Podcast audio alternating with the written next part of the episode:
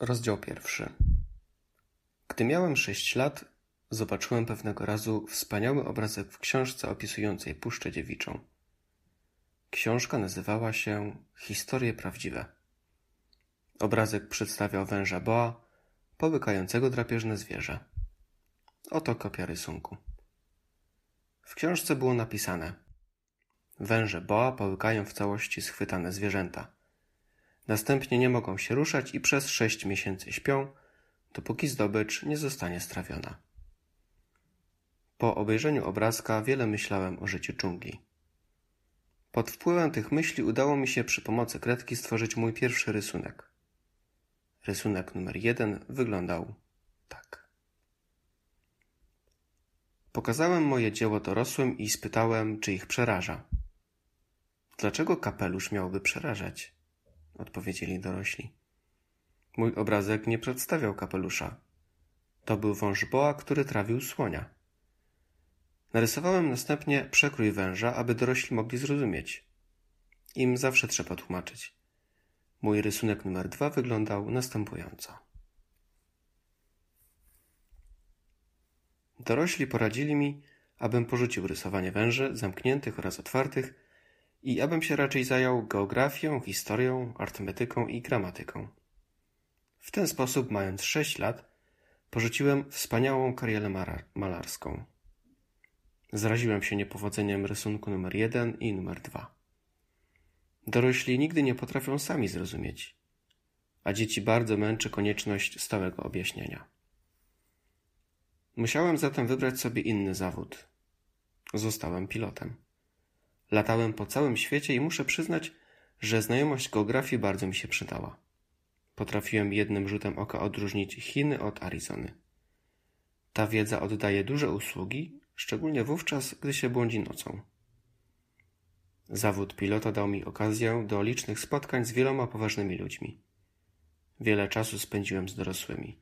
Obserwowałem ich z bliska, lecz to nie zmieniło mojej opinii o nich. Gdy spotykałem dorosłą osobę, która wydawała mi się trochę mądrzejsza, robiłem na niej doświadczenie z moim rysunkiem numer jeden, który stale nosiłem przy sobie. Chciałem wiedzieć, czy mam do czynienia z osobą rzeczywiście pojętną. Lecz za każdym razem odpowiadano mi, to jest kapelusz. Wobec tego nie rozmawiałem ani o wężach poa, ani o lasach dziewiczych, ani o gwiazdach. Starałem się być na poziomie mego rozmówcy. Rozmawiałem o brydżu, golfie, polityce i krawatach. A dorosły był zadowolony, że poznał tak rozsądnego człowieka. Antoine de Saint-Exupéry Mały książę Leonowi Werth Przepraszam wszystkie dzieci za poświęcenie tej książki dorosłemu. Mam ważne ku temu powody. Ten dorosły jest moim najlepszym przyjacielem na świecie. Drugi powód.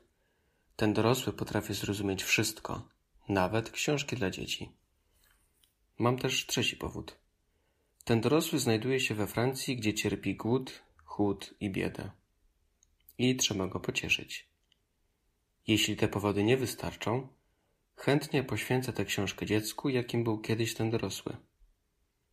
Wszyscy dorośli byli kiedyś dziećmi, choć niewielu z nich o tym pamięta. Zmieniam więc moją dedykację. Leonowi Wert, gdy był małym chłopcem.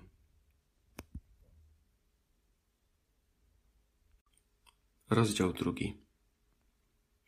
W ten sposób, nie znajdując z nikim wspólnego języka, prowadziłem samotne życie aż do momentu przymusowego lądowania na Saharze. Było to sześć lat temu. Coś się zepsuło w motorze. Ponieważ nie towarzyszył mi ani mechanik, ani pasażerowie, musiałem sam zabrać się do bardzo trudnej naprawy. Była to dla mnie kwestia życia lub śmierci. Miałem zapas wody zaledwie na osiem dni.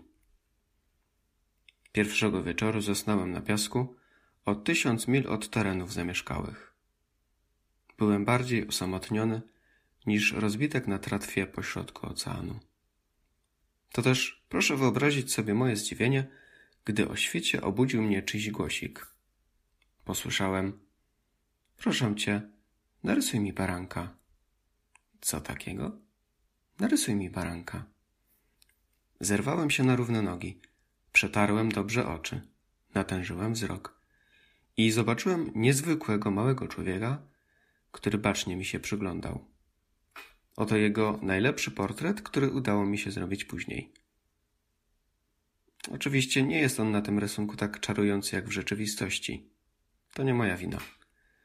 Gdy miałem sześć lat, dorośli zniechęcili mnie do malarstwa i dlatego umiem rysować tylko węże boa zamknięte i otwarte.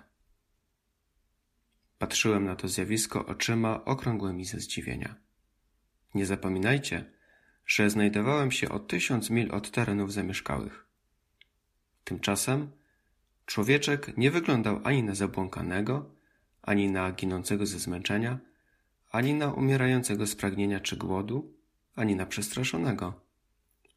W niczym nie przypominał dziecka zgubionego w środku pustyni o tysiąc mil od miejsc zamieszkałych. Gdy wreszcie odzyskałem mowę, odezwałem się. Ale cóż ty tutaj robisz? A on powtórzył bardzo powoli, jak gdyby chodziło o niezwykle ważną sprawę. Proszę cię, narysuj mi paranka. Zawsze ulega się urokowi tajemnicy. Pomimo niedorzeczności sytuacji, byłem bowiem o tysiąc mil od terenów zamieszkałych i grozi mi niebezpieczeństwo śmierci, wyciągnąłem z kieszeni kartkę papieru i wieczne pióro. W tym momencie przypomniałem sobie, że przecież uczyłem się tylko geografii, historii, rachunków i gramatyki, więc zmartwiony powiedziałem chłopcu, że nie umiem rysować. Ale on odrzekł, to nic nie szkodzi. Narysuj mi baranka. Ponieważ nigdy w życiu nie rysowałem baranka, pokazałem mu jeden z dwóch rysunków, jakie umiałem zrobić. Rysunek węża boa zamkniętego. Ku memu zdziwieniu chłopczyk odpowiedział: Nie, nie, nie chcę słonia połkniętego przez węża boa. Boa jest zbyt niebezpieczny, a słoń za duży. Mam za mało miejsca. Potrzebny mi jest baranek. Narysuj mi baranka.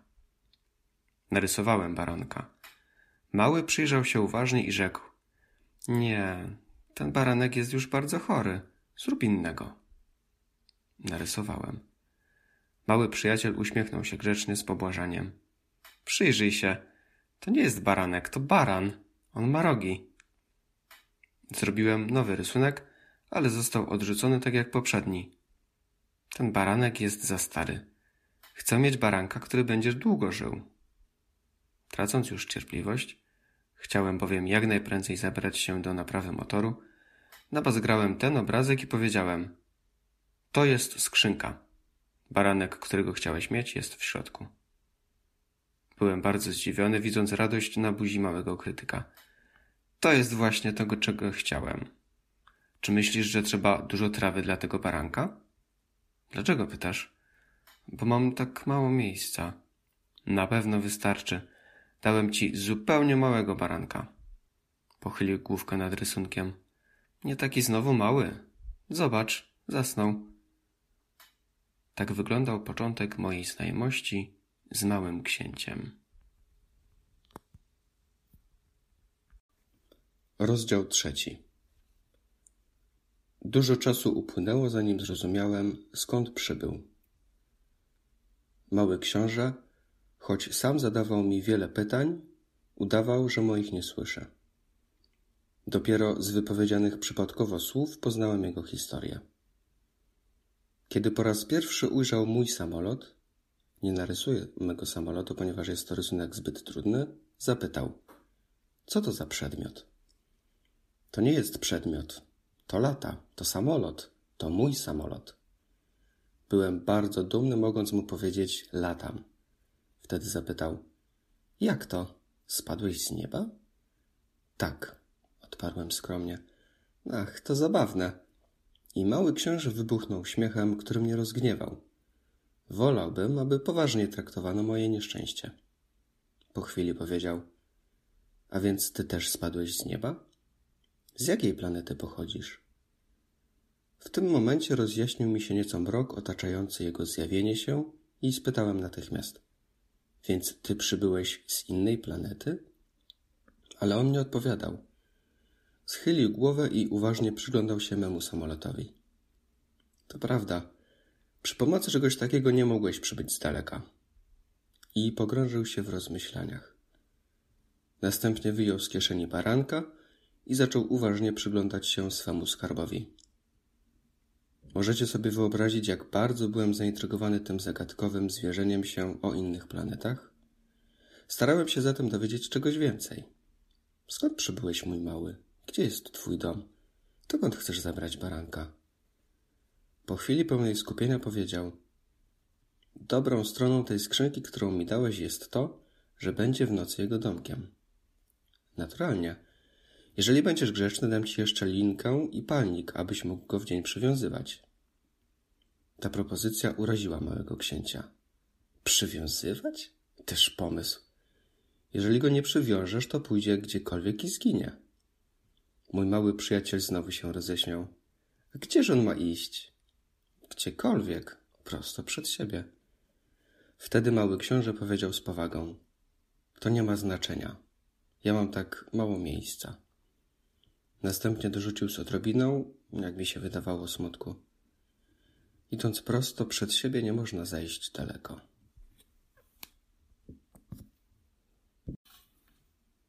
Rozdział czwarty.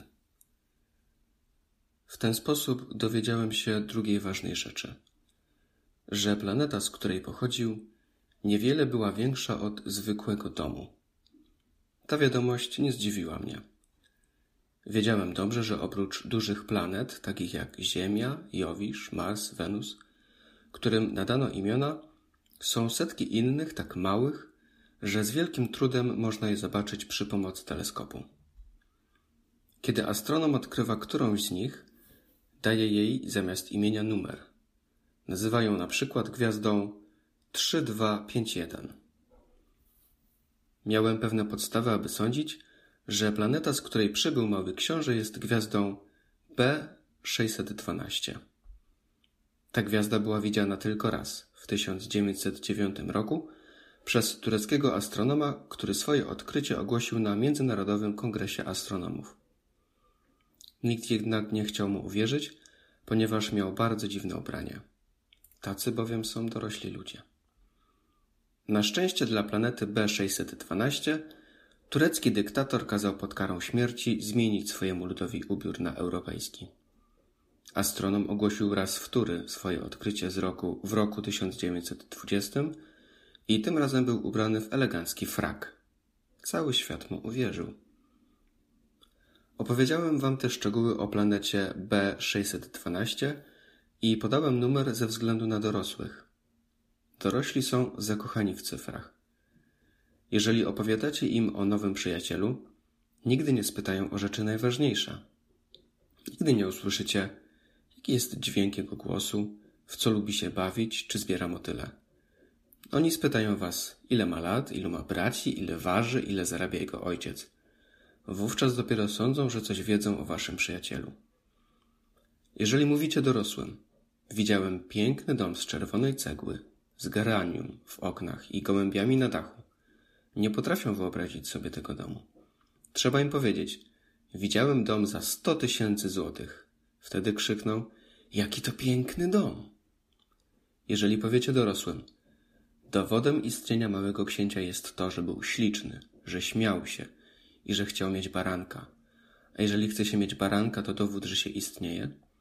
Wówczas wzruszą ramionami i potraktują was jak dzieci.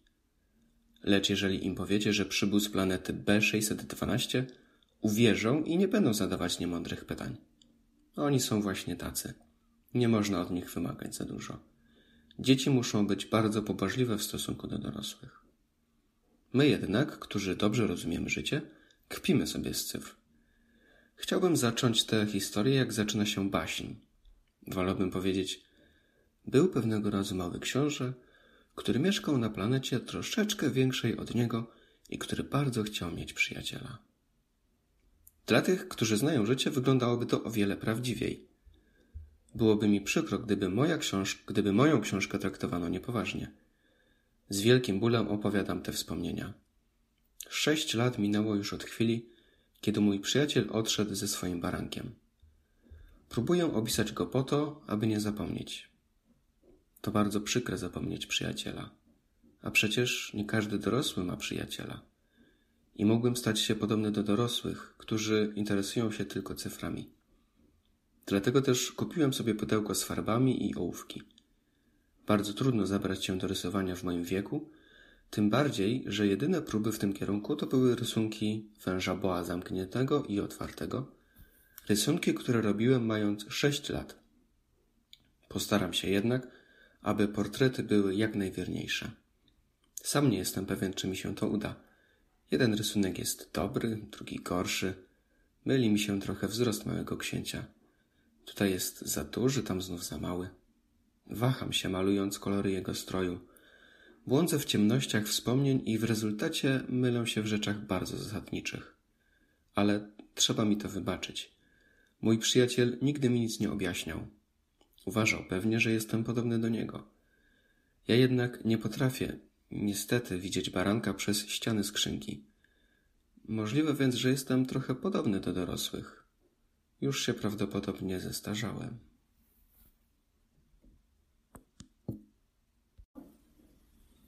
Rozdział piąty. Codziennie dowiadywałem się czegoś nowego o planecie, o wyjeździe, o podróży. Wiadomości te gromadziły się zwolna i przypadkowo. I tak trzeciego dnia poznałem dramat baobabów. W tym przypadku stało się to dzięki barankowi. Mały książę spytał mnie nagle, jakby w coś zwątpił. Czy to prawda, że baranki zjadają krzaki? Tak, to prawda. O, to bardzo się z tego cieszę. Nie rozumiałem, jakie znaczenie może mieć wiadomość, że baranki zjadają krzaki, ale mały książę dodał. Wobec tego, czy one jedzą także baobaby? Wytłumaczyłem mu, że baobaby nie są krzakami, lecz drzewami i to tak dużymi jak kościoły. I gdyby nawet zabrał ze sobą całe stado słoni, to nie dałyby one rady jednemu baobabowi. Na myśl o stadzie słoni mały książę roześmiał się. Trzeba byłoby poustawiać jednego na drugim.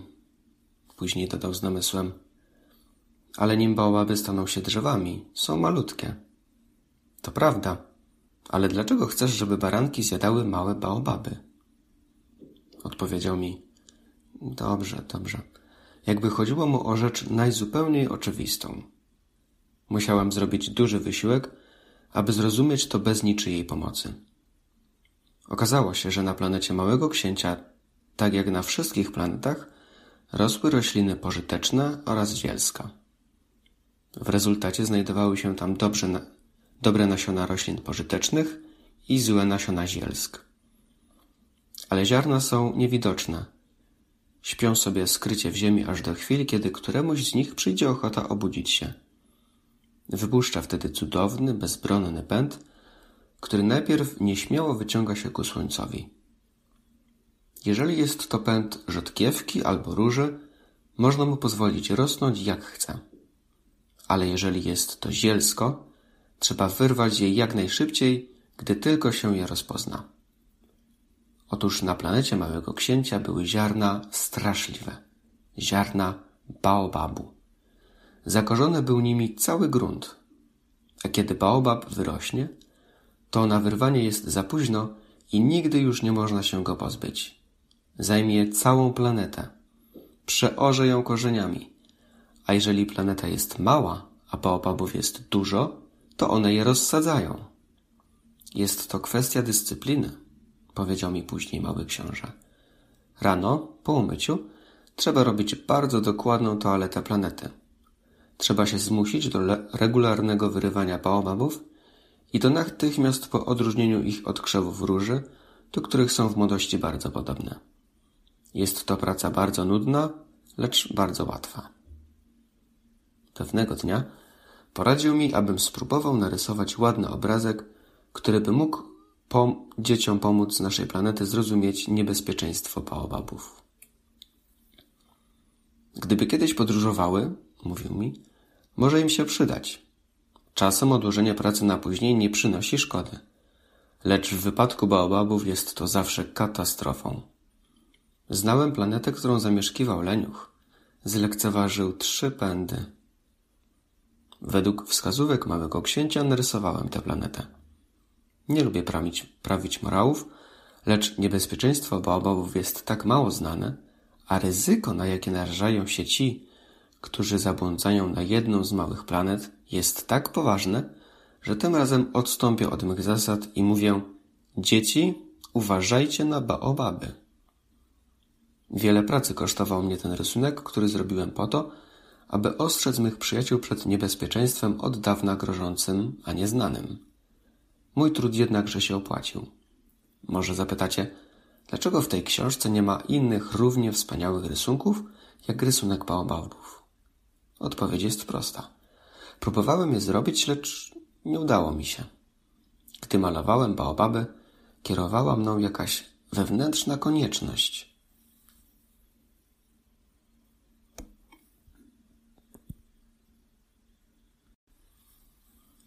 Rozdział szósty Powoli zrozumiałem. Mały książę, twoje smutne życie. Od dawna jedyną rozrywką był dla ciebie urok zachodów słońca. Ten nowy szczegół twego życia poznałem czwartego dnia rano, gdyś mi powiedział. Bardzo lubię zachody słońca. Chodźmy zobaczyć zachód słońca. Ale trzeba poczekać. Poczekać na co? Poczekać, aż słońce zacznie zachodzić. Początkowo zrobiłeś dziwną minę, a później roześmiałeś się i rzekłeś: Ciągle mi się wydaje, że jestem u siebie. Rzeczywiście, wszyscy wiedzą, że kiedy w Stanach Zjednoczonych jest godzina dwunasta, we Francji słońce zachodzi. Gdyby można się było w ciągu minuty przenieść ze Stanów do Francji, oglądałoby się zachód słońca. Niestety Francja jest daleko ale na twojej planecie mogłeś przesunąć krzesełko o parę kroków i oglądać zachód słońca tyle razy, ile chciałeś. Pewnego dnia oglądałem zachód słońca czterdzieści trzy razy, powiedział mały książę, a chwilę później dodał. Wiesz, gdy jest bardzo smutno, to kocha się zachody słońca. Więc wówczas, gdy oglądałeś je czterdzieści trzy razy, byłeś aż tak bardzo smutny? zapytałem. Ale mały książę nie odpowiedział. Rozdział siódmy. Piątego dnia, znowu dzięki barankowi, odkryłem nową tajemnicę małego księcia. Gwałtownie, bez żadnego wstępu, zapytał mnie, jak gdyby po długim zastanawianiu się o samotności. Jeżeli baranek zjada krzaki, to je także kwiaty? Baranek je wszystko, co napotka. Nawet kwiaty, które mają kolce? Tak, nawet kwiaty, które mają kolce. A więc do czego służą kolce? Nie wiedziałem. Byłem w tym momencie zajęty luzowaniem zbyt ściągniętego stworzenia mego motoru. Niepokoiłem się bardzo, ponieważ zacząłem zrozumieć, że uszkodzenie jest poważne, a woda do picia kończy się. Myślałem o najgorszym. Do czego służą kolce? Mały książę nigdy nie rezygnował z postawionego raz pytania. Byłem zdenerwowany stanem mojej maszyny i odpowiedziałem byle co. Kolce nie służą do niczego, to tylko złośliwość kwiatów. Mały książę westchnął, a po chwili milczenia powiedział urażony. Nie wierzę ci. Kwiaty są słabe, są naiwne. One zabezpieczają się jak mogą. Im się wydaje, że z kolcami są bardzo groźne. Nie odpowiedziałem. Mówiłem sobie w tej chwili, jeżeli ten stworzeń nie puści, wybiję go młotkiem. Mały książę przerwał moje myśli. I ty sądzisz, że kwiaty... Ale nie, nic nie sądzę. Odpowiedziałem byle co. Zajmuję się poważnymi sprawami. Popatrzył na mnie zdumiony. Poważnymi sprawami? Widział mnie stojącego z młotkiem w ręku, z palcami czarnymi od smaru, schylonego nad przedmiotem, który wydawał mu się bardzo brzydki. Mówisz jak dorośli. Zawstydziłem się. Ale on dodał bezlitośnie. Nie rozumiesz nic. Mieszasz wszystko. Był naprawdę bardzo rozgniewany. Potrząsał złotymi lokami, rozsypując się na wietrze. Znam planetę, na której mieszka pan o czerwonej twarzy. On nigdy nie wąchał kwiatów. Nigdy nie patrzył na gwiazdy. Nigdy nikogo nie kochał. Niczego w życiu nie robił poza rachunkami. I cały dzień powtarza tak jak ty. Jestem człowiekiem poważnym, jestem człowiekiem poważnym. Nadyma się dumą. Ale to nie jest człowiek, to jest grzyb. Co? Grzyb. Mały książę był blady ze złości. Od milionów lat kwiaty mają kolce. Mimo to od milionów lat baranki jedzą kwiaty. A czy nie wydaje ci się godne wyjaśnienia, dlaczego kwiaty zadają sobie tyle trudu dla wytworzenia kolców, które nie służą do niczego? Czy wojna między kwiatami a barankami nie jest rzeczą poważną? Czy to nie jest ważniejsze niż rachunki grubego, czerwonego pana? Jeżeli ja znam jedynie, jedyny kwiat, który nigdzie poza moją planetą nie istnieje, i jeżeli mały baranek może go któregoś ranka zniszczyć za jednym zamachem, nie zdając sobie sprawy z tego, co czyni, czyż to nie ma żadnego znaczenia? Poczerwieniał. Po chwili mówił dalej. Jeśli ktoś kocha kwiat, który jest jedyny na milionach i milionach planet, to mu wystarcza do szczęścia patrzenie na gwiazdy i mówi sobie gdzieś tam jest mój kwiat. Lecz jeśli baranek zje kwiat, to tak jakby wszystkie gwiazdy zgasły. I to nie jest ważne? Nie mógł mówić dłużej. Wybuchnął płaczem. Noc zapadła. Porzuciłem moje narzędzia. Kpiłem sobie z młotka, ze stworzenia, z wody i ze śmierci. Na jednej gwieździe, na planecie, na mojej ziemi był mały książę, którego musiałem pocieszyć. Wziąłem go na ręce i ukołysałem. Powiedziałem, kwiatowi, który kochasz, nie grozi niebezpieczeństwo. Narysuję ci kaganiec dla twego baranka. Narysuję osłonę dla tego kwiatu. Ja nie wiedziałem, co powiedzieć. Czułem się nieswojo. Nie wiedziałem, jak do niego przemówić, czym go pocieszyć. Świat łez jest taki tajemniczy. Rozdział ósmy Wkrótce poznałem lepiej ten kwiat. Na planecie Małego Księcia kwiaty były zawsze bardzo skromne, o pojedynczej koronie płatków, nie zajmujące miejsca i nie przeszkadzające nikomu. Pojawiały się któregoś ranka wśród traw i więdły wieczorem.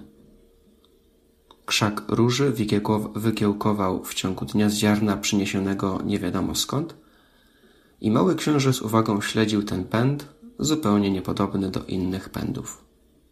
Mógł to być nowy gatunek baobabu.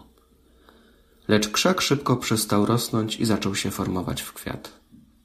Mały książę, który śledził pojawienie olbrzymiego pąka, wyczuł, iż wykwitnie z niego jakieś cudowne zjawisko, lecz róża schowana w swoim zielonym domku przygotowywała się powoli. Starannie dobierała barw. Ubierała się wolno, dopasowywała płatki jeden do drugiego. Nie chciała rozkwitnąć, pognieciona jak maki. Pragnęła zjawić się w pełnym blasku swojej piękności. O tak, była wielką zalotnicą. Jej tajemnicze strojenie trwało wiele dni.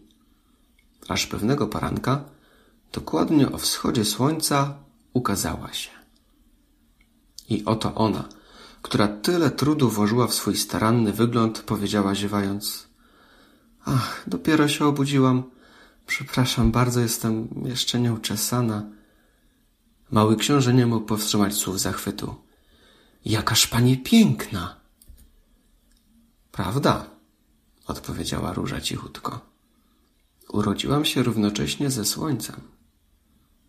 Mały książę domyślił się, że róża nie jest zbyt skromna, lecz jakżeż była wzruszająca. Sądzę, że czas na śniadanie, dorzuciła po chwili. Czy byłby pan łaskaw pomyśleć o mnie? Mały książę, bardzo zawstydzony, poszedł po konewkę i podał jej świeżą wodę. Wkrótce swę trochę płochliwą próżność zaczęła torturować małego księcia. Pewnego dnia na przykład, mówiąc o swych czterech kolcach, powiedziała Mogą zjawić się tygrysy uzbrojone w pazury. Nie ma tygrysów na mojej planecie, sprzeciwił się mały książę. A poza tym tygrysy nie jedzą trawy. Nie jestem trawą, odparła słodko róża. Proszę mi wybaczyć. Nie obawiam się tygrysów, natomiast czuję wstręt do przeciągów. Czy nie ma pan parawanu? Wstręt do przeciągów to nie jest do, dobre dla roślin, pomyślał mały książę. Ten kwiat jest bardzo skomplikowany. Wieczorem proszę mnie przykryć kloszem. U pana jest bardzo zimno. Złe są tu urządzenia. Tam, skąd przybyłam, urwała. Przybyła w postaci nasienia. Nie mogła znać innych planet. Naiwne kłamstwo, na którym dała się przyłapać, zawstydziło ją. Zakaszlała dwa lub trzy razy, aby pokryć zażenowanie. A ten parawan? Ja bym przyniósł, ale pani mówiła... Wtedy róża znów zaczęła kaszleć, aby mały książę miał wyrzuty sumienia. W ten sposób, mimo dobrej woli płynącej z jego uczucia, mały książę przestał wierzyć róży. Wziął poważnie słowa bez znaczenia i stał się bardzo nieszczęśliwy. Nie powinienem jej słuchać. Zwierzył mi się któregoś dnia. Nigdy nie trzeba słuchać kwiatów. Trzeba je oglądać i wąchać. Mój kwiat napełniał całą planetę swoją wonią, lecz nie umiałem się nim cieszyć. Historia kolców, która tak mnie rozdrażniła, powinna rozczulić. Zwierzył się jeszcze. Nie potrafiłem jej zrozumieć. Powinienem sądzić ją według czynów, a nie słów. Czarowała mnie pięknem i zapachem. Nie powinienem nigdy od niej uciec. Powinienem odnaleźć w niej czułość pod pokrywą małych przebiegłostek. Kwiaty mają w sobie tyle sprzeczności, lecz byłem za młody, aby umieć ją kochać. Rozdział dziewiąty. Sądzę, że dla swojej ucieczki mały książę wykorzystał odlot wędrownych ptaków. Rano przed odjazdem uporządkował dokładnie planetę. Pieczołowicie przeczyścił wszystkie wulkany. Miał dwa czynne wulkany. To się bardzo przydaje do podgrzewania śniadań. Miał też jeden wulkan wygasły. Ponieważ powtarzał zwykle, nic nigdy nie wiadomo, więc przeczyścił także wygasły wulkan. Jeśli wulkany są dobrze przeczyszczone, palą się powoli i równo, bez wybuchów. Wybuchy wulkanów są tym, czym zapalenie sadzy w kominie. Oczywiście my na naszej Ziemi jesteśmy za mali, aby przeczyszczać wulkany. Dlatego też sprawiają nam tyle przykrości. Mały książę z odrobiną smutku wyrwał także ostatnie pędy baobabów. Nie wierzył w swój powrót. Wszystkie te codzienne prace wydawały mu się tego ranka szczególnie miłe. Kiedy po raz ostatni podlał różę i już miał ją przykryć kloszem, poczuł, że chce mu się płakać.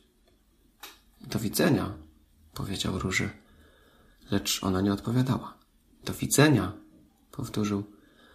Róża zakaszlała, lecz nie z powodu kataru. Byłam niemądra, powiedziała mu. Przepraszam cię. Spróbuj być szczęśliwy. Zdziwił się brakiem wymówek. Stał, całkowicie zbity z tropu, trzymając klosz w powietrzu. Nie rozumiał tej spokojnej słodyczy.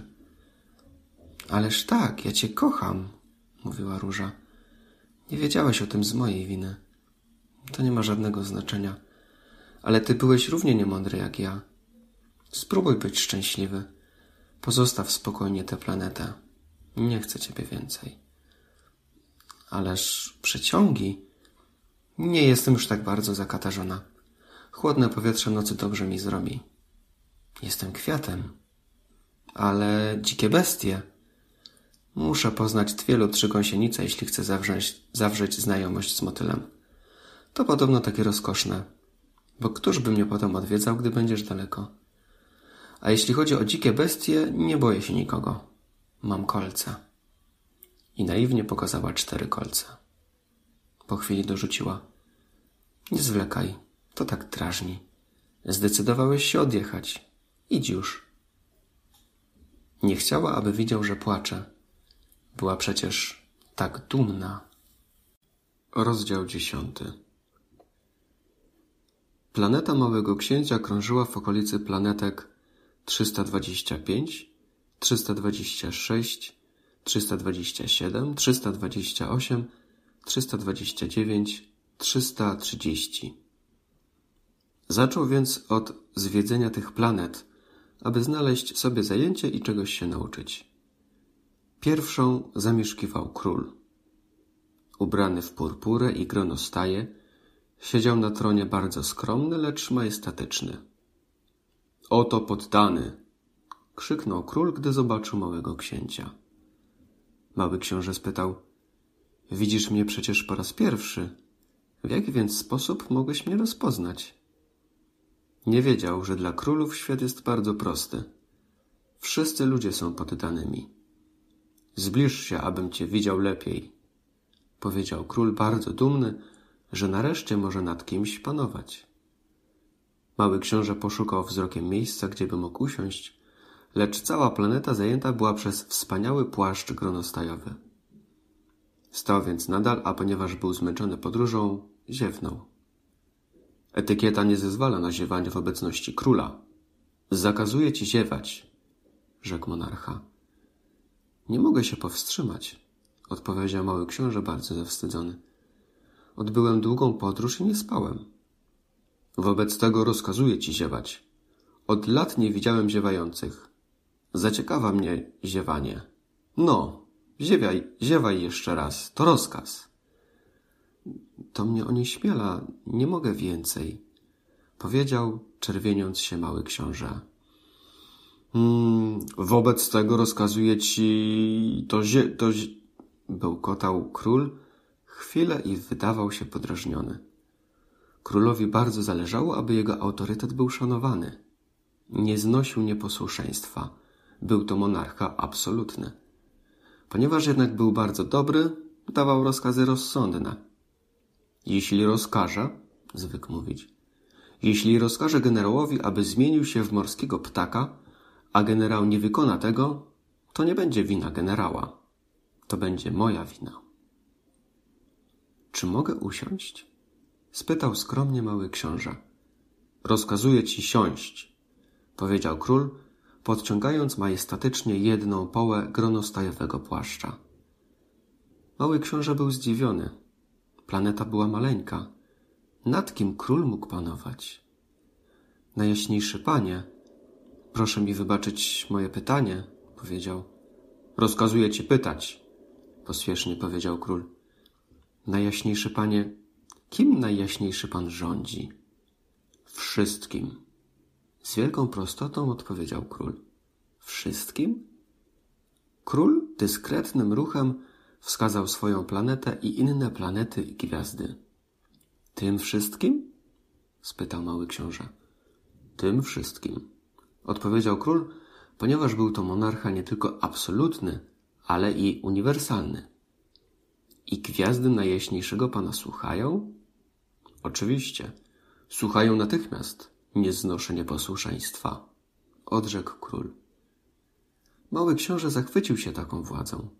Gdyby on ją posiadał, mógłby widzieć jednego dnia nie czterdzieści trzy, ale siedemdziesiąt dwa, nawet sto, nawet dwieście zachodów słońca bez przesuwania krzesełka. A ponieważ był trochę smutny z powodu swojej małej, opuszczonej planety, ośmielił się prosić króla o łaskę. Chciałbym zobaczyć zachód słońca. Proszę mi zrobić przyjemność. Proszę rozkazać słońcu, aby zaszło. Jeśli rozkaże generałowi, aby jak motyl przeleciał z jednego kwiatka na drugi, albo rozkaże mu napisać tragedię, albo zmienić się w morskiego ptaka, a generał nie wykona otrzymanego rozkazu, kto z nas nie będzie miał racji? Ja czy on? Jego królewska mość, odpowiedział stanowczo mały książę. Słusznie. Należy wymagać tego, co można otrzymać. Autorytet opiera się na rozsądku. Jeśli rozkażesz twemu ludowi rzucić się do morza, lud się zbuntuje. Ja mam prawo żądać posłuszeństwa, ponieważ moje rozkazy są rozsądne. Więc jak jest z moim zachodem słońca? Przypomniał mały książę, który nigdy nie porzucił postawionego pytania. Będziesz miał swój zachód słońca. Zarządzę go, lecz zaczekam w mądrości rządzenia, aż warunki będą przychylne.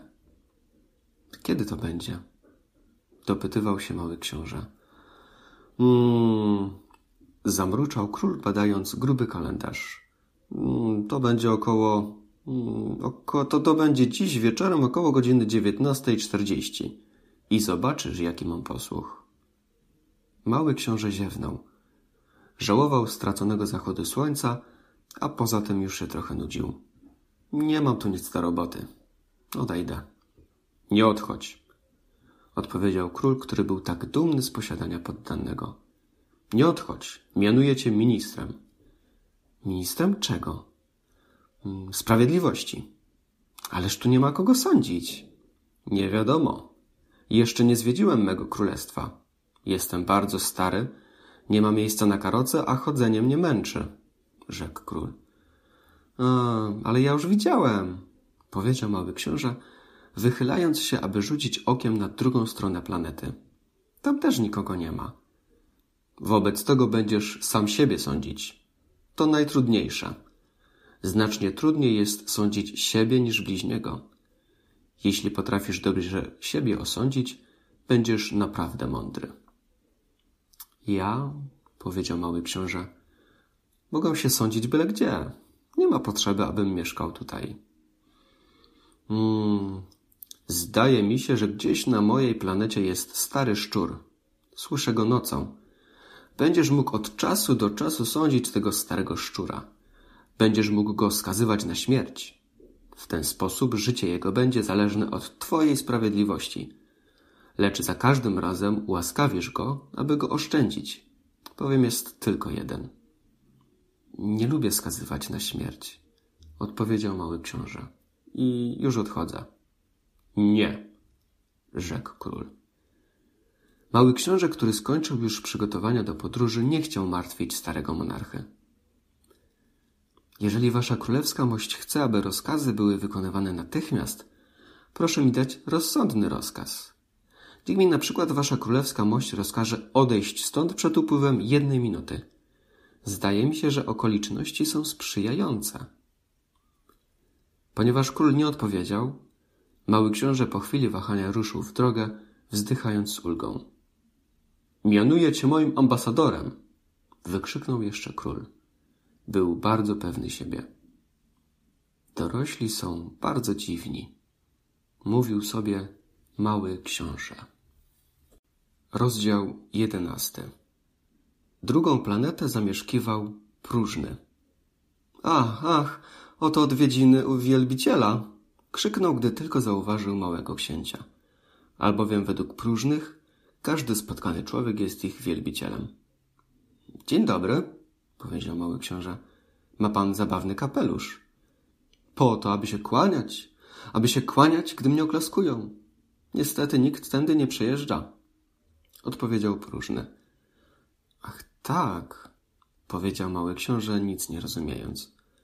Uderzaj dłonią w dłoń, poradził próżny. Mały książę uderzył dłonią w dłoń. Próżny ukłonił się skromnie, uchylając kapelusza. To jest jednak bardziej zajmujące niż odwiedziny u króla, powiedział sobie mały książę i znów zaczął klaskać. Próżny znów kłaniał się, uchylając kapelusza. Po pięciu minutach zabawy mały książę zmęczył się jednostajnością gry. A co trzeba zrobić, aby kapelusz spadł? zapytał. Lecz próżny nie usłyszał. Próżni słyszą tylko pochwały. Czy ty mnie naprawdę bardzo uwielbiasz? spytał małego księcia. Co to znaczy uwielbiać? Uwielbiać to znaczy uznać mnie za człowieka najpiękniejszego, najlepiej ubranego, najbogatszego i najmądrzejszego na planecie. Ależ poza tobą nie ma nikogo innego na planecie. Zrób mi tę przyjemność, uwielbiaj mnie mimo wszystko. Uwielbiam cię, powiedział mały książę, lekko wzruszając ramionami ale co ci to daje? I ruszył w dalszą drogę. Dorośli są zdecydowanie śmieszni, powiedział sobie podczas podróży. Rozdział dwunasty. Następną planetę zajmował pijak. Te odwiedziny trwały bardzo krótko. Pogrążyły jednak małego księcia w głębokim smutku. Co ty tu robisz? spytał pijaka, którego zastał siedzącego w milczeniu przed baterią butelek pełnych i baterią butelek pustych. Piję, odpowiedział ponuro pijak. Dlaczego pijesz? spytał mały książę. Aby zapomnieć, odpowiedział pijak. O czym zapomnieć? Zaniepokoił się mały książę, który już zaczął mu współczuć.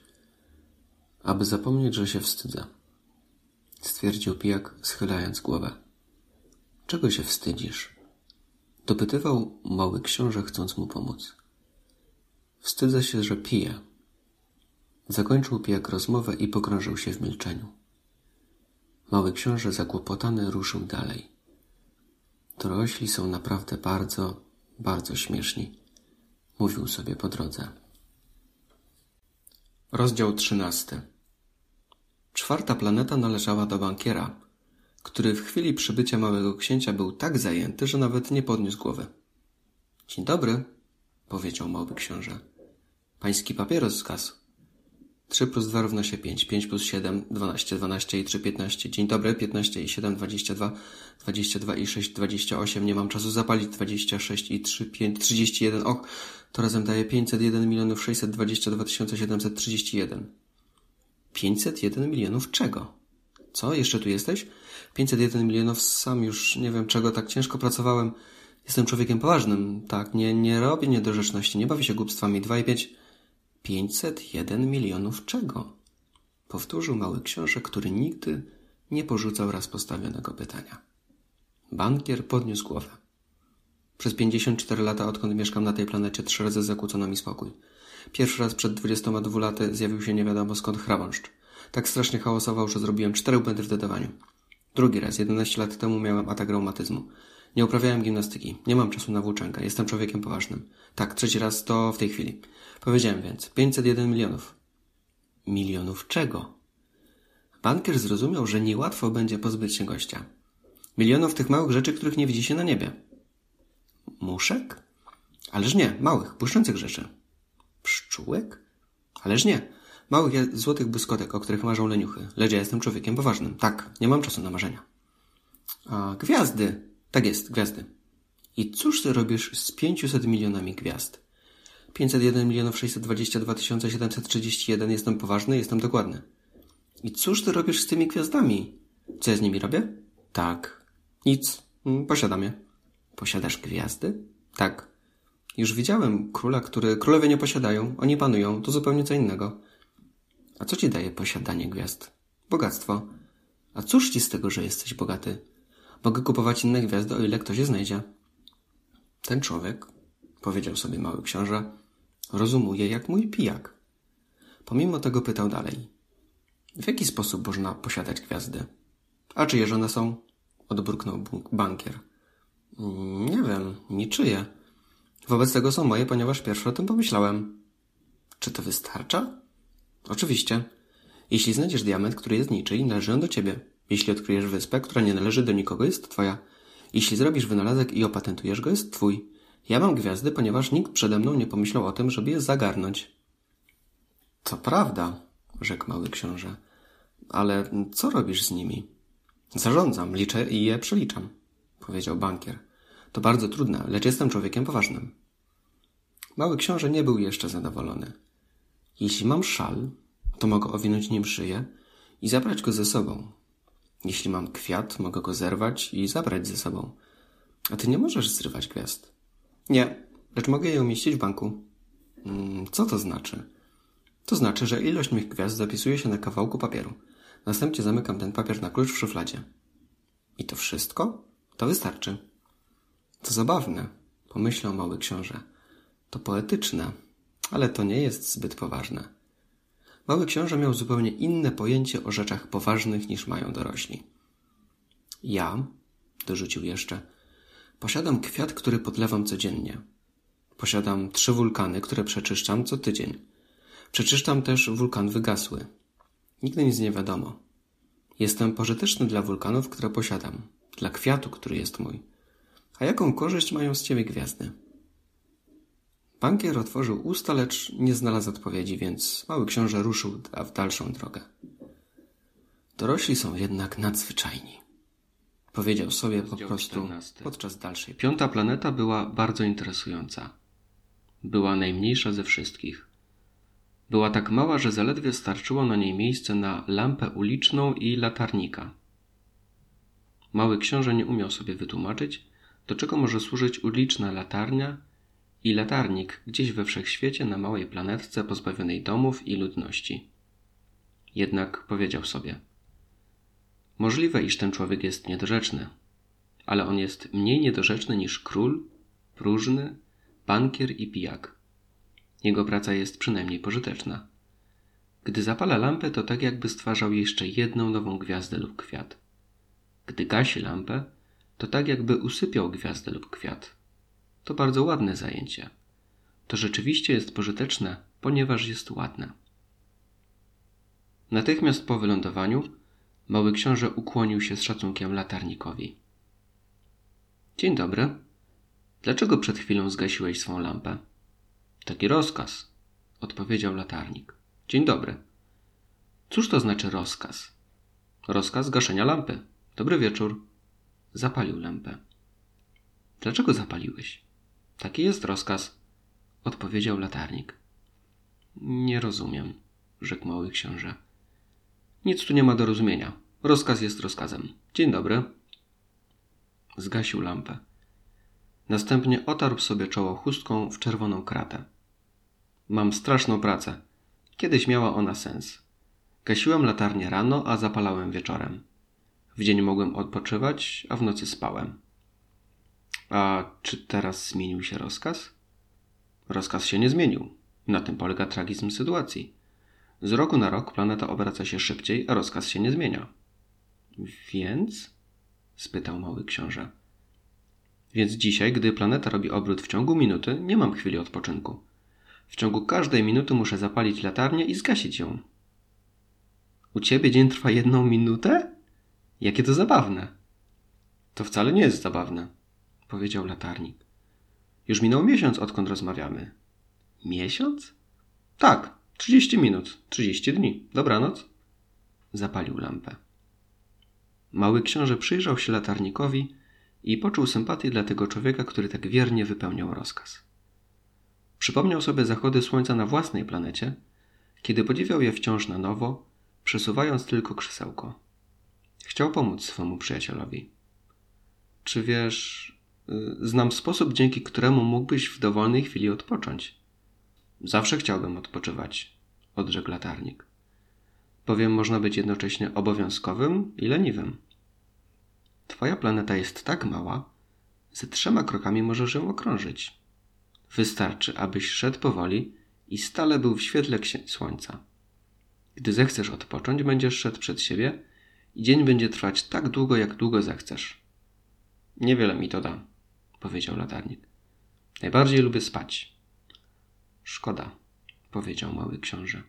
Szkoda, powiedział latarnik. Dzień dobry. I zgasił lampę. Podczas dalszej podróży mały książę powiedział sobie: Tym człowiekiem pogardziliby wszyscy i król, i próżny, i pijak, i bankier. Mimo to on jeden nie wydaje mi się śmieszny. A to prawdopodobnie dlatego, że nie zajmuje się tylko sobą. Westchnął z żalu i mówił sobie jeszcze: Tylko ten człowiek mógłby być moim przyjacielem. Lecz jego planeta jest rzeczywiście za mała. Nie ma miejsca dla nas dwóch. Mały książę nie chciał się przyznać, że tym, co najbardziej pociągało go w tej błogosławionej planecie, było przede wszystkim 1440 zachodów słońca w ciągu 24 Rozdział 15. Szósta planeta była 10 razy większa. Mieszkał na niej starszy pan, który pisał olbrzymie księgi. Proszę, oto badacz, wykrzyknął, ujrzawszy małego księcia. Mały książę usiadł za stołem, lekko dysząc. Bardzo długo już podróżował. Skąd przybywasz? Zagadnął go starszy pan. Co to za gruba księga? spytał mały książę. Co pan tu robi? Jestem geografem, odpowiedział starszy pan. Co to znaczy geograf?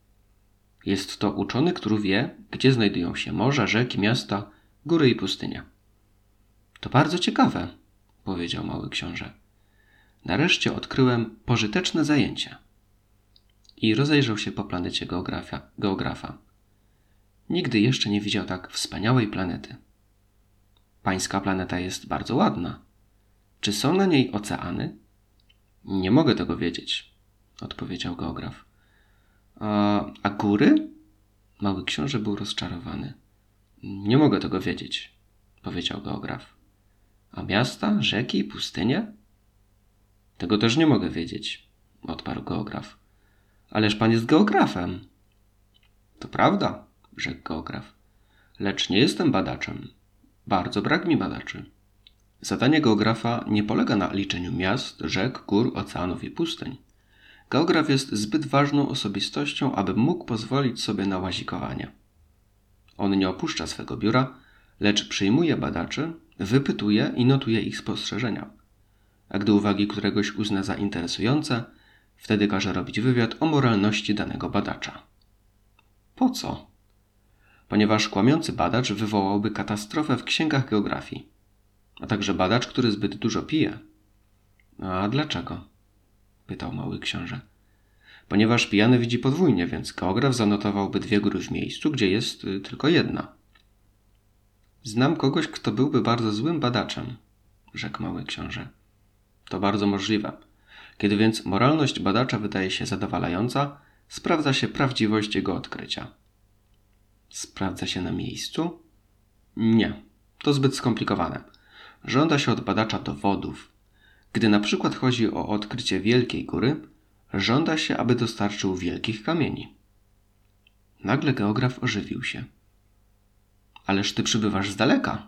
Jesteś badaczem. Opisz mi twoją planetę. Geograf otworzył księgę i zaostrzył ołówek. Raport badacza zapisuje się najpierw ołówkiem, a po dostarczeniu dowodów prawdziwości odkrycia przepisuje się piórem. Więc? zapytał geograf.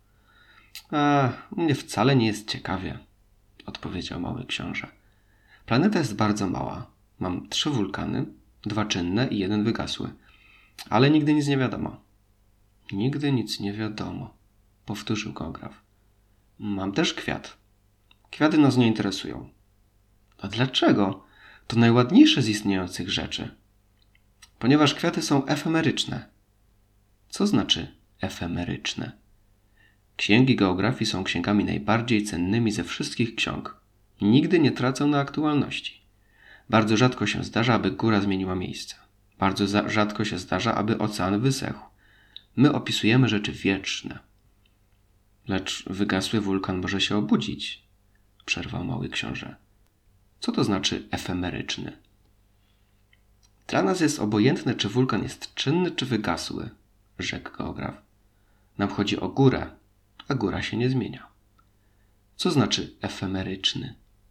Powtórzył mały książę, który nigdy w życiu nie porzucił raz postawionego pytania. Znaczy to zagrożony bliskim unicestwieniem. Mojej róży grozi bliskie unicestwienie? Oczywiście. Moja róża jest efemeryczna, powiedział do siebie mały książę, i ma tylko cztery kolce dla obrony przed niebezpieczeństwem, a ja zostawiłem ją zupełnie samą. To był jego pierwszy odruch żalu. Mimo to zapytał odważnie: Co radzi pan zwiedzić? Planetę Ziemię, odpowiedział geograf. Ma dobrą sławę. Mały książę ruszył w dalszą drogę, myśląc o swojej. Siódmą planetą była Ziemia. Ziemia nie jest byle jaką planetą. Liczy sobie 111 królów, nie pomijając oczywiście królów murzyńskich, 7 tysięcy geografów, 90 tysięcy bankierów, 7,5 miliona pijaków, 311 milionów próżnych, krótko mówiąc około 2 miliardów dorosłych. Aby łatwiej Wam było pojąć, jak wielka jest Ziemia, powiem Wam, że przed wynalezieniem elektryczności trzeba było zatrudniać na wszystkich sześciu kontynentach całą armię latarników złożoną z 462 511 osób. To był wspaniały widok, gdy się patrzyło z pewnej odległości. Ruchy tej armii były podobne do baletu. Pierwsi zaczynali pracę latarnicy Nowej Zelandii i Australii, którzy potem szli spać. Następnie do tańca wstępowali latarnicy Chin i Syberii. I oni po pewnym czasie kryli się za kulisami. Wtedy przychodziła kolej na latarników Rosji i Indii, potem Afryki i Europy, potem Ameryki Południowej, następnie Ameryki Północnej. I nigdy nie pomylono porządku wchodzenia na scenę. To było wspaniałe. Tylko latarnik jedynej lampy na biegunie północnym i jego kolega latarnik jedynej lampy na biegunie południowym prowadzili niedbałe i próżniacze życie. Rozdział 17. Dwa razy w roku. Zdarza się czasem, że chcąc być dowcipnym, popełniamy małe kłamstwa. Nie byłem bardzo uczciwy, gdy opowiadałem wam o latarnikach. Obawiam się, że ci, którzy nie znają naszej planety, będą mieli o niej fałszywe zdanie. Ludzie zajmują na Ziemi bardzo mało miejsca. Gdyby dwa miliardy mieszkańców Ziemi stanęło razem, jeden przy drugim jak na wiecu, to zmieściliby się z łatwością na publicznym placu o 20 milach długości i 20 milach szerokości. Można by więc całą ludzkość stłoczyć na maleńkiej wysepce Oceanu Spokojnego. Oczywiście dorośli wam nie uwierzą. Oni wyobrażają sobie, że zajmują dużo miejsca. Wydaje się im, że są tak wielcy jak baobaby. Więc poradźcie im, aby zrobili obliczenia. Kochają się w cyfrach, to im się podoba, lecz my nie tracimy czasu na ćwiczenia, które zdaje się za karę. To jest zbyteczne. Wy mi wierzycie. Po przybyciu na ziemię, mały książę, bardzo zdziwiony, nie widział żadnej żywej duszy. Przestraszył się, myśląc, że zabłądził, gdy wtem żółtawy pierścień poruszył się na piasku. Dobry wieczór, rzekł mały książę na wszelki wypadek. Dobry wieczór, powiedziała żmija. Na jaką planetę spadłem? spytał mały książę. Na Ziemię, do Afryki. Ach, więc Ziemia nie jest zaludniona? Jesteśmy na pustyni. Na pustyni nikogo nie ma. Ziemia jest wielka, odrzekła żmija. Mały książę usiadł na kamieniu i wzniósł oczy ku niebu. Zadaję sobie pytanie, powiedział. Czy gwiazdy świecą po to, aby każdy mógł znaleźć swoją? Popatrz na moją planetę, jest dokładnie nad nami, ale jak bardzo daleko. Jest piękna, odrzekła żmija. Po co tu przybyłeś? Mam pewne trudności z różą, powiedział mały książę. Ach tak, rzekła żmija. I oboje umilkli. Gdzie są ludzie? zaczął znowu mały książę. Czuję się trochę osamotniony w pustyni. Wśród ludzi jest się także samotnym, rzekła żmija. Mały książę przyglądał jej się przez dłuższy czas. Jesteś zabawnym stworzeniem, rzekł wreszcie. Cienka jak palec. Ach, jestem znacznie potężniejsza niż palec króla, powiedziała żmija. Mały książę uśmiechnął się. Nie jesteś zbyt potężna. Nie masz nawet łapek. Nawet nie możesz podróżować. Mogę cię unieść dalej niż okręt, rzekła żmija i owinęła się wokół kostki małego księcia na podobieństwo złotej bransolety. Tego, kogo dotknę, odsyłam tam, skąd przybył, dodała. Lecz ty jesteś niewinny i przybywasz z gwiazdy. Mały książę nie odpowiedział. Wzbudzasz we mnie litość, taki słaby na granitowej ziemi. Mogę ci w przyszłości pomóc, gdy bardzo zatęsknisz za swoją planetą. Mogę. O, bardzo dobrze zrozumiałem, odpowiedział mały książę. Ale dlaczego mówisz ciągle zagadkami? Rozwiązuję zagadki, rzekła żmija. Rozdział 18. I oboje umilkli. Przechodząc przez pustynię, mały książę spotkał tylko jeden kwiat. Kwiat o trzech płatkach. Nędzny kwiat. Dzień dobry, powiedział mały książę. Dzień dobry, odrzekł kwiat. Gdzie są ludzie? grzecznie zapytał mały książę. Kwiat widział kiedyś przychodzącą karawanę. Ludzie? Jak sądzę, istnieje sześciu czy siedmiu ludzi. Widziałam ich przed laty, lecz nigdy nie wiadomo, gdzie można ich odnaleźć. Wiatr nimi miota. Nie mają korzeni. To im bardzo przeszkadza. Do widzenia, rzekł mały książę. Do widzenia. Rozdział 19. Odpowiedział kwiat. Mały książę wspiął się na wysoką górę. Jedynymi górami, które dotychczas znał, były sięgające mu kolan wulkany. Wygasły wulkan służył mu jako krzesełko. Z tak wysokiej góry jak ta, powiedział sobie, zobaczę od razu całą planetę i wszystkich ludzi. Lecz nie zobaczył nic poza ostrymi skałami.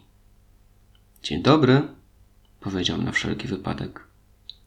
Dzień dobry, dzień dobry, dzień dobry, odpowiedziało echo. Kim jesteście? spytał mały książę. Kim jesteście, kim jesteście, kim jesteście? Powtórzyło echo. Bądźcie mymi przyjaciółmi. Jestem samotny, powiedział. Jestem samotny, jestem samotny, jestem samotny, odpowiedziało echo. Jakaż to zabawna planeta, pomyślał mały książę. Zupełnie sucha, spiczasta i słona, a ludziom brak fantazji. Powtarzają to, co im się mówi. Na mojej gwiazdce miałem różę. Rozdział 20. Ona zawsze mówiła. W końcu jednak zdarzyło się, że po długiej wędrówce poprzez piaski, skały i śniegi, mały książę odkrył drogę. A drogi prowadzą zawsze do ludzi. Dzień dobry, powiedział. Był w ogrodzie pełnym róż. Dzień dobry, odpowiedziały róże. Mały książę przyjrzał im się. Bardzo były podobne do jego róży. Kim jesteście? Zapytał zdziwiony. Jesteśmy różami, odparły róże. A, westchnął mały książę. I poczuł się bardzo nieszczęśliwy. Jego róża zapewniała go, że jest jedyna na świecie. A oto tu w jednym ogrodzie jest pięć tysięcy podobnych. Byłaby bardzo zdenerwowana, pomyślał. Kaszlałaby straszliwie i udawałaby umierającą, aby pokryć zmieszanie a ja musiałbym udawać, że ją pielęgnuję, bo w przeciwnym razie umarłaby rzeczywiście, aby mnie w tym upokorzyć. Później mówił sobie dalej. Sądziłem, że posiadam jedyny na świecie kwiat, a w rzeczywistości mam zwykłą różę jak wiele innych. Posiadanie róży i trzech wulkanów sięgających mi do kolan, z których jeden prawdopodobnie wygasł na zawsze, nie czyni mnie potężnym księciem. Rozdział I zapłakał, na trawie. Wtedy pojawił się lis. Dzień dobry, powiedział lis. Dzień dobry, odpowiedział grzecznie mały książę i obejrzał się, ale nic nie dostrzegł. Jestem tutaj, posłyszał głos. Pod jabłonią. Ktoś ty? spytał mały książę. Jesteś bardzo ładny. Jestem lisem, odpowiedział lis. Chodź pobawić się ze mną zaproponował mały książę. Jestem taki smutny. Nie mogę bawić się z tobą. Nie jestem oswojony, odparł lis. Ach, przepraszam, powiedział mały książę. Lecz po namyśle dorzucił: Co znaczy oswojony? Nie jesteś tutejszy, powiedział lis. Czego szukasz? Szukam ludzi, odpowiedział mały książę. Co znaczy oswojony? Ludzie mają strzelby i polują, powiedział lis. To bardzo kłopotliwe. Hodują także kury i to jest interesujące. Poszukujesz kur? Nie, odrzekł mały książę. Szukam przyjaciół. Co znaczy oswoić? Jest to pojęcie zupełnie zapomniane, powiedział lis. Oswoić znaczy stworzyć więzy. Stworzyć więzy? Oczywiście, powiedział lis. Teraz jesteś dla mnie tylko małym chłopcem, podobnym do stu tysięcy małych chłopców. Nie potrzebuję ciebie. I ty mnie nie potrzebujesz. Jestem dla ciebie tylko lisem, podobnym do stu tysięcy innych lisów. Lecz jeżeli mnie oswoisz, będziemy się nawzajem potrzebować. Będziesz dla mnie jedyny na świecie. I ja będę dla ciebie jedyny na świecie. Zaczynam rozumieć, powiedział mały książę. Jest jedna róża, zdaje mi się, że ona mnie oswoiła. To możliwe, odrzekł lis.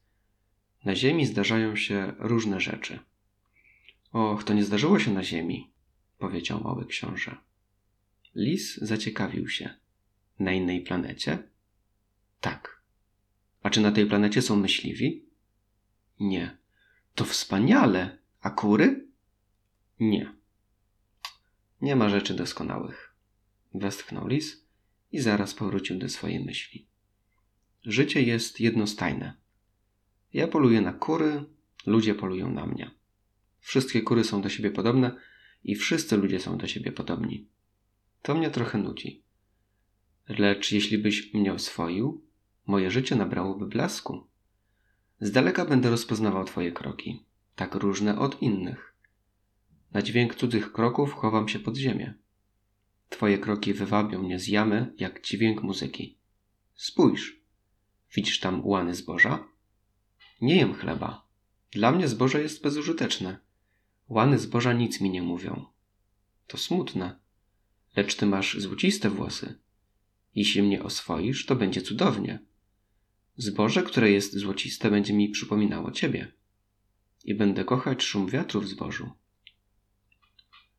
Lis zamilkł i długo przypatrywał się małemu księciu. Proszę cię, oswój mnie, powiedział.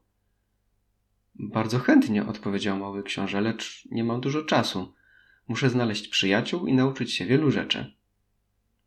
Poznaje się tylko to, co się oswoi, powiedział lis. Ludzie mają zbyt mało czasu, aby cokolwiek poznać. Kupują w sklepach rzeczy gotowe. A ponieważ nie ma magazynu z przyjaciółmi, więc ludzie nie mają przyjaciół. Jeśli chcesz mieć przyjaciół, oswój mnie. A jak to się robi? spytał mały książę. Trzeba być bardzo cierpliwym. Na początku siedzisz w pewnej odległości ode mnie. Ot tak, na trawie. Będę spoglądać na ciebie kątem oka, a ty nic nie powiesz. Mowa jest źródłem nieporozumień. Lecz każdego dnia będziesz mógł siadać trochę bliżej. Następnego dnia mały książę przyszedł na oznaczone miejsce. Lepiej jest przychodzić o tej samej godzinie. Gdy będziesz miał przyjść na przykład o czwartej po południu, już od trzeciej zacznę odczuwać radość. Im bardziej czas będzie posuwać się naprzód, tym będę szczęśliwszy. O czwartej będę podniecony i zaniepokojony. Poznam cenę szczęścia. A jeśli przyjdziesz nieoczekiwanie, nie będę mógł się przygotowywać. Potrzebny jest obrządek. Co znaczy obrządek? spytał mały książę. To także coś całkiem zapomnianego, odpowiedział lis. Dzięki obrządkowi pewien dzień odróżnia się od innych, pewna godzina od innych godzin. Moi myśliwy na przykład mają swój rytuał. W czwartek tańczą z wioskowymi dziewczętami. Stąd czwartek jest cudownym dniem. Podchodzą aż pod winnicę. Gdyby myśliwi nie mieli tego zwyczaju w oznaczonym czasie, wszystkie dni byłyby do siebie podobne, a ja nie miałbym wakacji. W ten sposób mały książę oswoił lisa. A gdy godzina rozstania była bliska, lis powiedział: Ach, będę płakać. To twoja wina, odpowiedział mały książę. Nie życzyłem ci nic złego. Sam chciałeś, abym cię oswoił. Oczywiście, odparł lis. Ale będziesz płakać? Oczywiście. A więc nic nie zyskałeś na oswojeniu? Zyskałem coś ze względu na kolor zboża, powiedział lis, a później dorzucił. Idź jeszcze raz zobaczyć różę.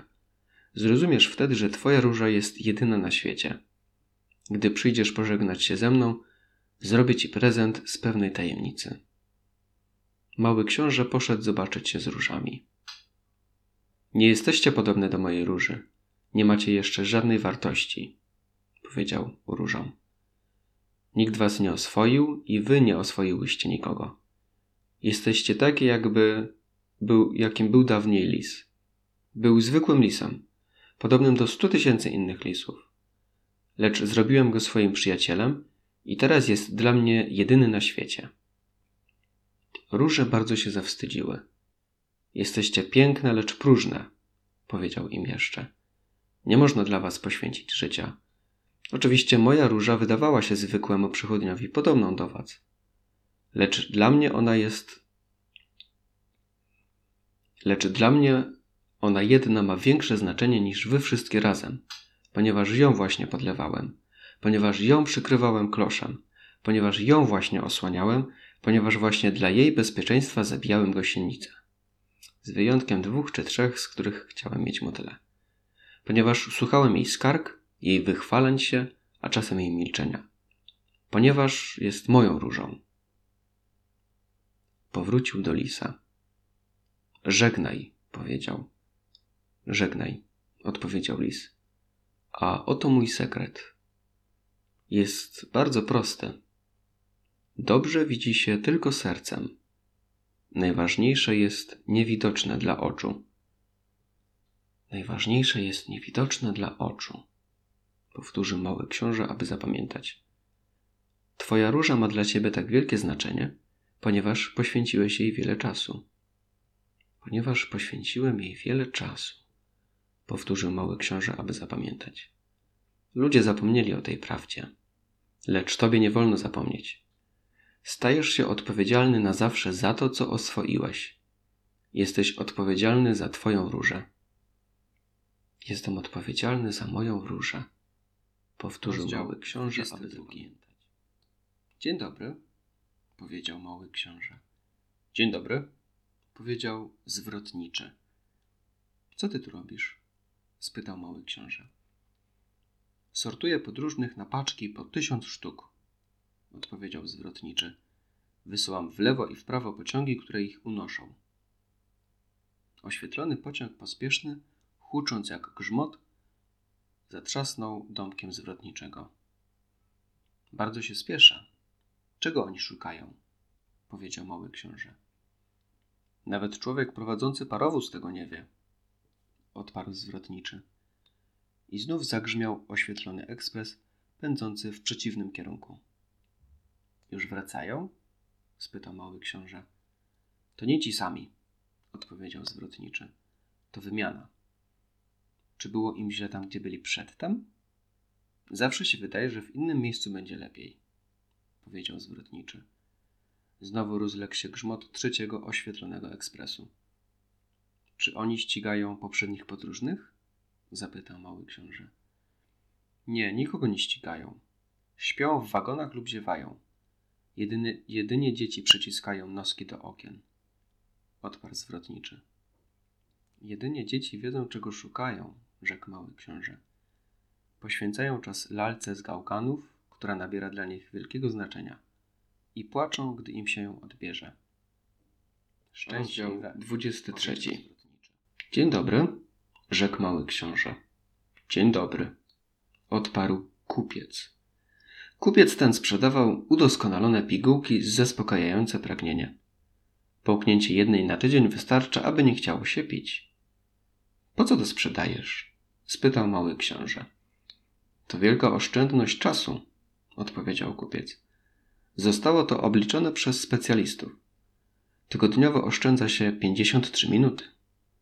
A co się robi z 53 minutami? To co się chce. Gdybym miał 53 minuty czasu, powiedział sobie mały książę, poszedłbym powolutku w kierunku studni. Było to ósmego dnia na pustyni, licząc od zepsucia się motoru. Wysłuchałem opowiadania o kupcu, pijąc ostatnie krople zapasu wody. Twoje wspomnienia są bardzo ładne, powiedziałem małemu księciu. Lecz nie naprawiłem jeszcze samolotu, nie mam nic do picia i ja także byłbym szczęśliwy bardzo, gdybym mógł powoli udać się w kierunku studni. Mój przyjaciel lis powiedział: Mój maleńki, nie chodzi już o lisa. Dlaczego? Ponieważ umrzemy z pragnienia.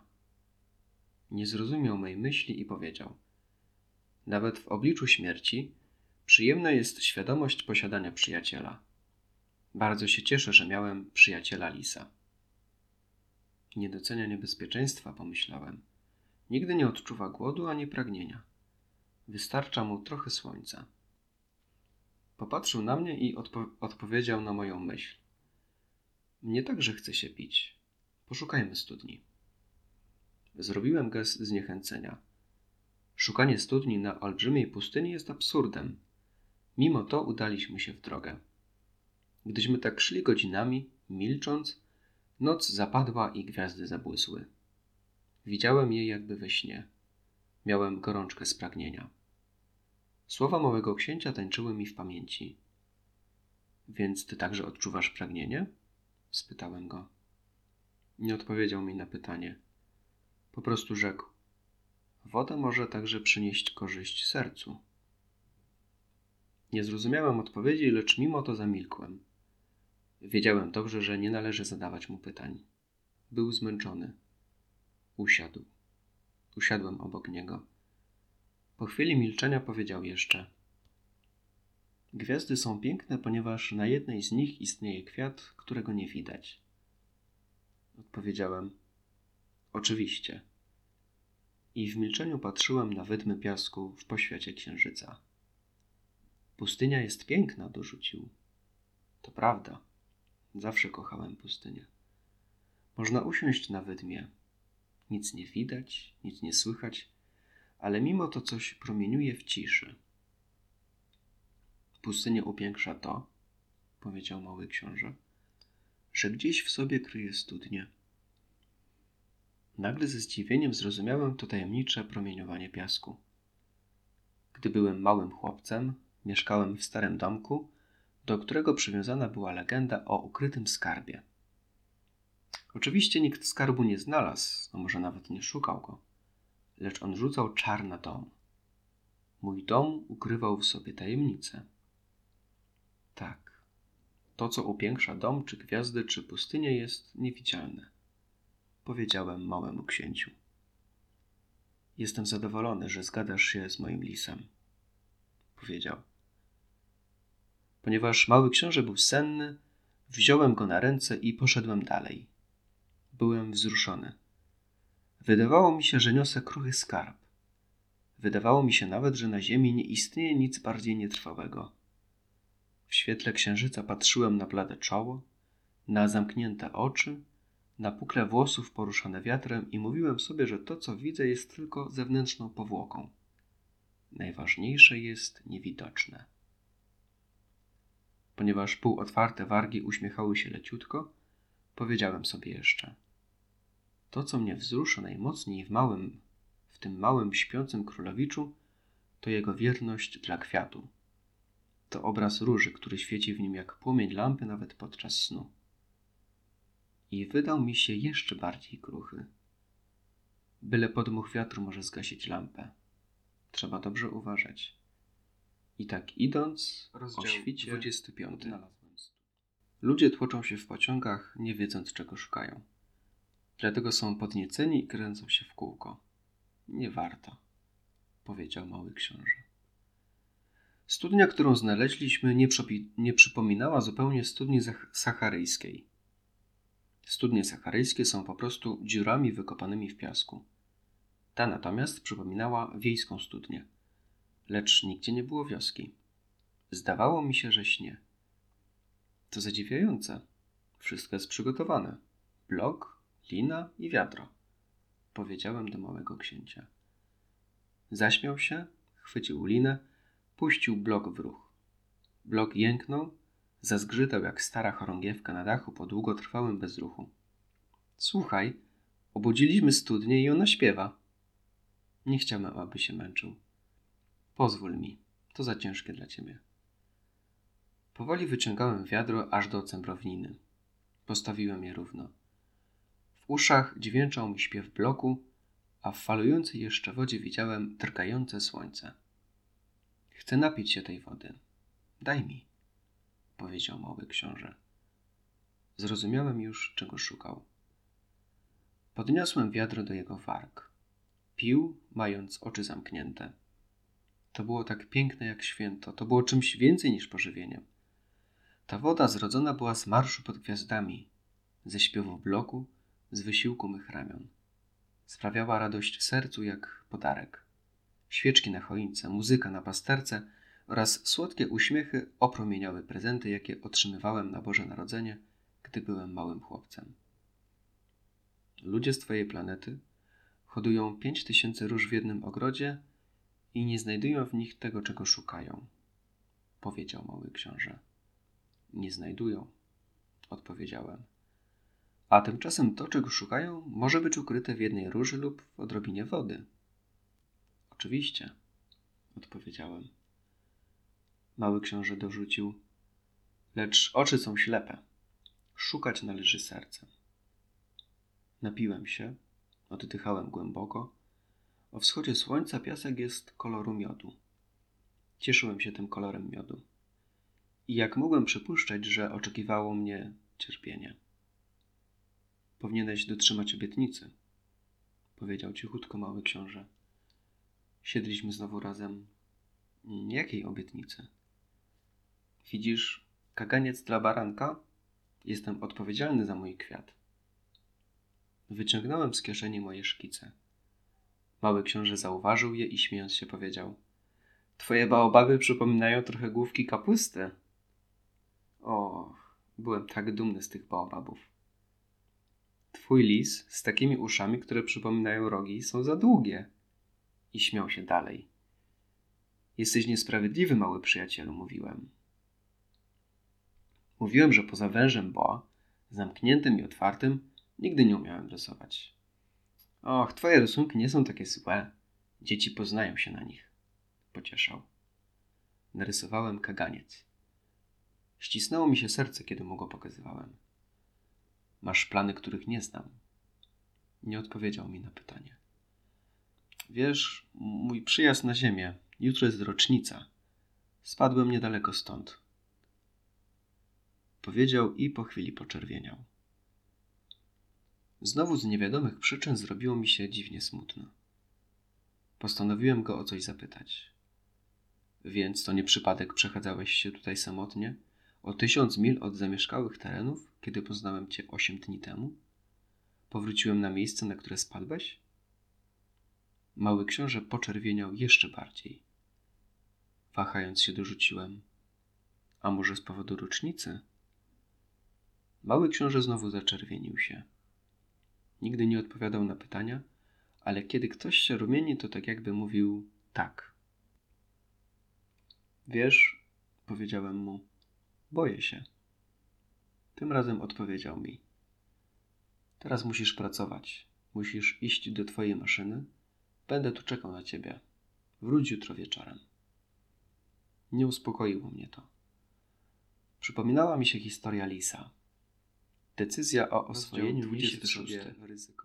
Obok studni znajdowały się ruiny starego kamiennego muru. Gdy wracałem następnego wieczora od pracy, z daleka zauważyłem małego księcia siedzącego na murze z zawieszonymi nogami.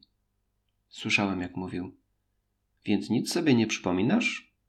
Miejsce zupełnie się nie zgadza. Ktoś mu na pewno odpowiadał, ponieważ znów posłyszałem jego głos. Ależ na pewno, Data się zgadza, lecz miejsce nie. Zbliżyłem się do muru. Przyspieszyłem kroku. Ciągle jeszcze nikogo nie widziałem, ani nic nie słyszałem. Tylko mały książę znowu komuś odpowiadał. Oczywiście. Zobaczysz, gdzie zaczyna się mój ślad na piasku. Poczekasz tam na mnie. Będę tej nocy. Byłem o dwadzieścia metrów od muru, jednakże w dalszym ciągu nic nie widziałem. Po chwili ciszy mały książę dorzucił. Czy masz dobry jad? Czy jesteś pewna, że nie będę długo cierpiał? Zatrzymałem się ze ściśniętym sercem, lecz ciągle jeszcze nic nie rozumiałem. Teraz idź sobie. Chcę zejść, powiedział.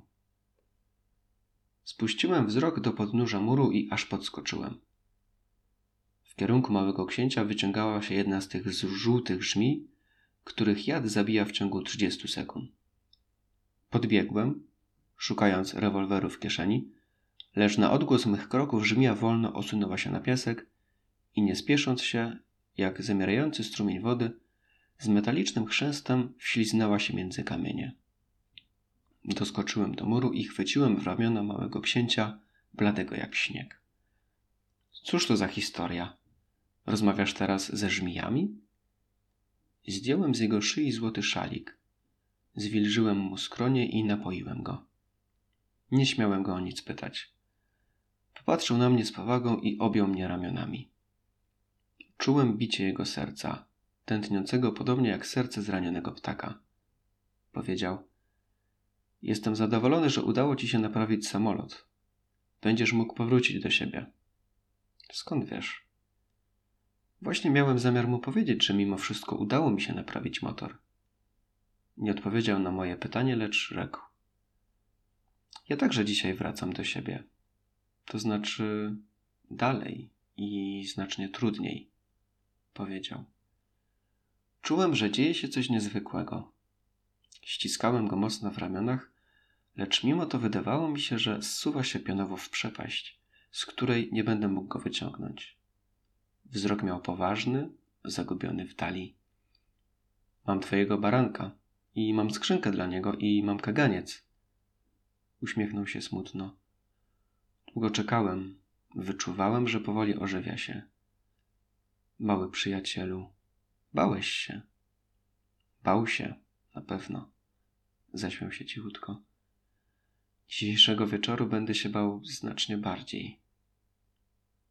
I znowu zmroziło mnie przeczucie czegoś nieodwołalnego. Nie słyszeć więcej jego śmiechu? Ta myśl mnie zadręczała. Ten śmiech był dla mnie jak studnia na pustyni.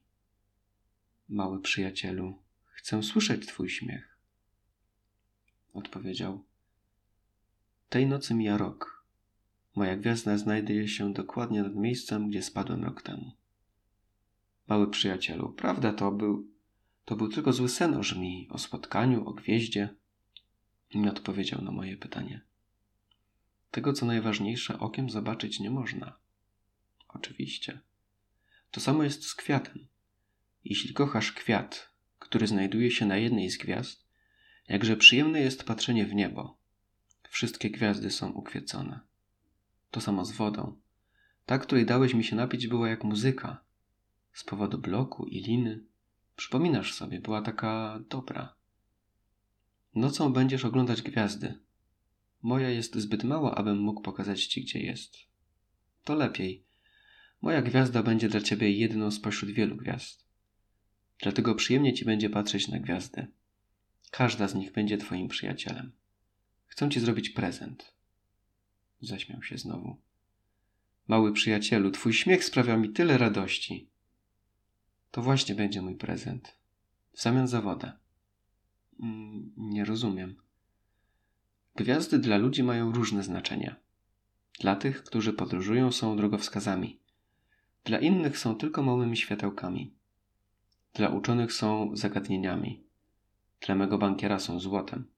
Lecz wszystkie te gwiazdy milczą. Ty będziesz miał takie gwiazdy, jakich nie ma nikt. Co chcesz przez to powiedzieć? Gdy popatrzysz nocą w niebo, wszystkie gwiazdy będą się śmiały do ciebie, ponieważ ja będę mieszkał i śmiał się na jednej z nich. Twoje gwiazdy będą się śmiały. I zaśmiał się znowu. A gdy się pocieszysz, będziesz zadowolony z tego, że mnie znałeś. Będziesz zawsze mym przyjacielem. Będziesz miał ochotę śmiać się ze mną. Będziesz od czasu do czasu otwierał okno, od tak sobie dla przyjemności. Twoich przyjaciół zdziwi to, że śmiejesz się patrząc na gwiazdy. Wtedy im powiesz: Gwiazdy zawsze pobudzają mnie do śmiechu. Pomyślą, że zwariowałeś. Zrobiłem ci brzydki figiel. I znowu się zaśmiał. To tak, jakbym ci dał zamiast gwiazd mnóstwo małych dzwoneczków, które potrafią się śmiać. Śmiał się ciągle. Po chwili spoważniał. Tej nocy nie przychodź. Nie opuszczę cię. Będę robił wrażenie cierpiącego. Będę wyglądał tak, jakbym umierał. Nie przychodź patrzeć na to, nie warto. Nie opuszczę cię. Zaniepokoił się. Mówię ci to także z powodu żmii. Nie chcę, żeby cię okąsiła. Żmije są złośliwe. Mogą ugryźć dla przyjemności. Nie opuszczę cię.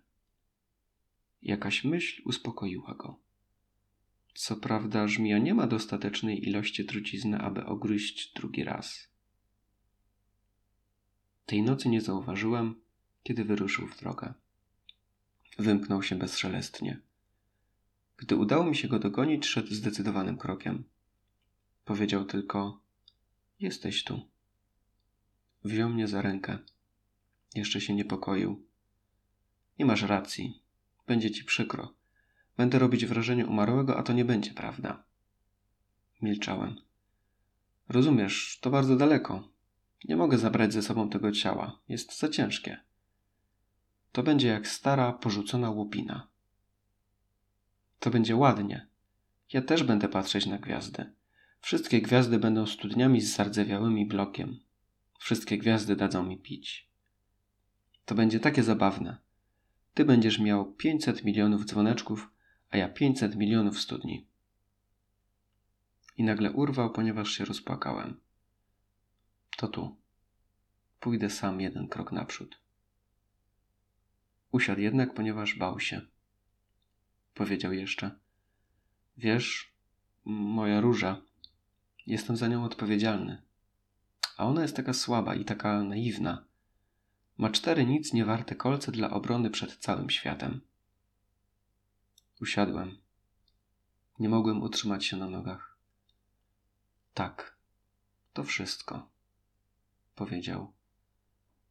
Wahał się jeszcze chwilę, później wstał, zrobił krok.